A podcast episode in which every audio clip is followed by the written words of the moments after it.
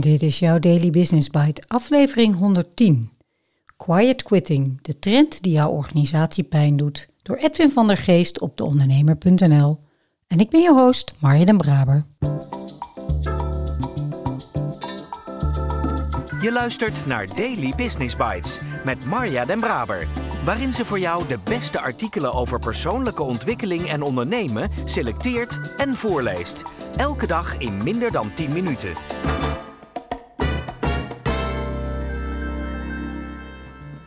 Dit is de podcast waar je kunt luisteren naar artikelen van experts op het gebied van ondernemen en persoonlijke ontwikkeling. Elke dag van het jaar in 10 minuten of minder. Uit de bijna oneindige stroom blogs en artikelen die geschreven worden, pik ik de meest interessante er voor jou uit. Let's start. Ondanks dat het zo lijkt, gaat quiet quitting niet over daadwerkelijk opstappen bij een baan. Er wordt daarmee gepromoot dat je alleen datgene doet wat er van je gevraagd wordt in een job. Niets meer. Een nieuwe trend omdat het zoveel aandacht krijgt op TikTok, maar het is niet zo nieuw en hip als het klinkt. Wel kan het jouw organisatie pijn doen. Een trend, maar toch geen trend. Om vijf uur je laptop dichtklappen. Alleen doen wat er expliciet van jou verwacht wordt. Meedraaien omdat het moet. Maar verwacht niet van de quiet quitters dat ze extra initiatief tonen. Of dat ze deelnemen aan een training of borrel buiten kantoortijden. Ze haken af bij jouw organisatie. De trend is op TikTok ontstaan onder de genzetters. In een periode na twee jaar van corona met toenemende werkdruk omdat er een personeelstekort is. En met een fysieke afstand tot je collega's, de werkvloer en vooral je manager. Je raakt letterlijk vervreemd van de cultuur van de organisatie. Maar het is niet zo dat dit fenomeen nu voor het eerst plaatsvindt omdat er een mooi label aangegeven is. In Nederland zijn de cijfers vergelijkbaar met die in de VS. In een onderzoek in de Verenigde Staten zegt 82% van de genzetters, geboren tussen 2001 en 2015, dat het idee van het minimale vereiste te doen een beetje of erg aantrekkelijk klinkt. Zo'n 15% van die groep zegt dat ze dat al doen. Axos Generation Lab. Onderzoeksbureau Gallup doet al jaren onderzoek naar employee engagement, medewerkersbetrokkenheid. Zij zetten het nog sterker neer. Quiet quitters make up at least 50% of the US workforce. Amerika is geen Nederland en we hebben wel degelijk culturele verschillen. Maar Gallup doet wereldwijd onderzoek en ook in Nederland zijn de cijfers vergelijkbaar met die in de Verenigde Staten. Ze doen dus niet meer dan nodig. Waarom het dan echt pijn doet voor jouw organisatie? Niet betrokken medewerkers zijn vaker ziek, minder productief en maken meer fouten. Daarbovenop is de kans groter dat ze vroegtijdig vertrekken, daadwerkelijk dit keer. Dat zegt Gallup-onderzoeker James K. Harter. Daarbij komt ook het zelfversterkende proces om de hoek kijken. Hoe meer mensen minder doen, des te minder heeft de rest ook het gevoel dat ze niet zoveel inzet hoeven te brengen. Je krijgt een neerwaartse spiraal en dat wil je niet. Geen lamzakken of uitzitters, maar inspiratie. Onder verschillende posts rondom dit thema op LinkedIn zag ik dat de ondernemers deze quiet quitters vooral woorden als lamzakken of uitzitters toedichten. Of ze worden vergeleken met ambtenaren. Maar daarmee los je niets op. Sterker nog, ga er in dit geval eens van uit dat het niet aan de mensen ligt, maar aan jouw organisatie en het leiderschap daarbinnen. In plaats van veroordelen is het juist interessant om te leren waarom dat gebeurt. Dus of je nu quiet quitters in je organisatie hebt of niet, ga het gesprek aan en gebruik het als inspiratie voor de organisatie om het beter te doen. Ontdek waar de energie weglekt bij jouw werknemers. Laatst vertelde een manager mij dat ze een soort pre-exit gesprekken voerde met haar medewerkers. Een gesprek waarin ze vraagt wat de redenen zouden kunnen zijn om weg te willen bij de organisatie.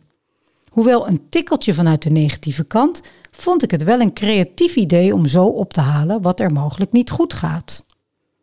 De gesprekken met je medewerkers zijn leerzaam en hebben ook nog een ander positief effect. Je geeft namelijk weer de persoonlijke aandacht. Want de koffieapparaatgesprekken zijn twee jaar lang verdwenen van de werkvloer. Het moment waarop de leerzame, maar soms ongrijpbare kritieken naar boven kunnen komen. Experimenteer en leer.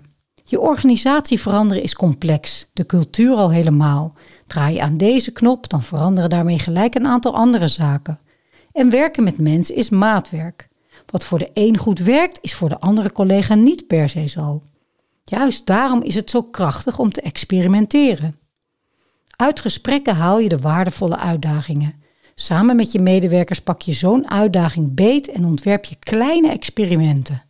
Door samen aan de slag te gaan creëer je eigenaarschap en energie om zaken te verbeteren. Experimenteer bijvoorbeeld in manieren om beter in verbinding te komen met collega's of manieren om samenwerking te bevorderen. Maak de experimenten klein, concreet en energiek. Evalueer ieder experiment binnen een maand. Daily Business Bites met Marja Den Braber. Je luisterde naar Quiet Quitting, de trend die jouw organisatie pijn doet, door Edwin van der Geest. Ja, de kans is groot dat de term quiet quitting al om je oren gevlogen is op alle kanalen. En zeker als je actief bent op TikTok. Dat laatste ben ik zelf niet, maar er schijnen miljoenen filmpjes rond te gaan met de hashtag quiet quitting. Misschien is dat als werkgever wel je eerste bron van onderzoek. Staan er ook filmpjes bij van onze medewerkers? En mocht je ze niet kunnen vinden, wat ik natuurlijk hoop voor je, doe dan zoals Edwin in dit artikel aangeeft. Of je ze nou wel of niet in je organisatie hebt, ga het gesprek aan met je medewerkers en gebruik dat als inspiratie. Om te voorkomen dat je de neerwaartse spiraal ervaart in jouw bedrijf of team als ze er toch stilletjes tussen zitten en een kleine olievlek veroorzaken.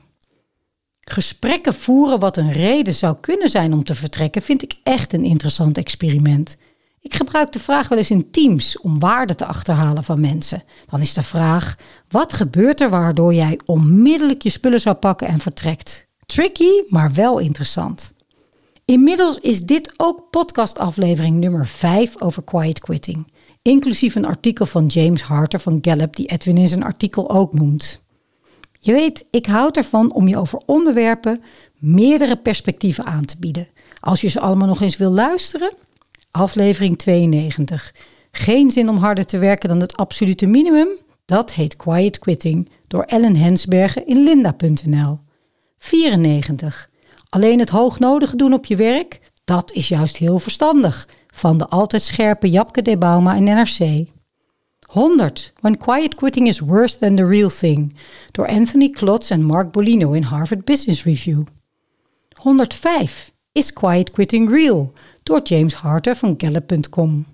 En 110. Quiet Quitting, de trend die jouw organisatie pijn doet door Edwin van der Geest op deondernemer.nl.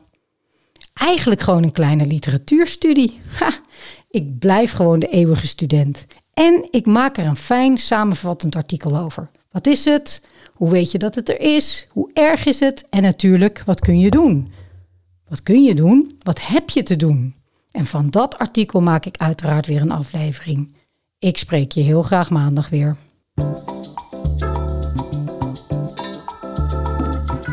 Dit was Daily Business Bites.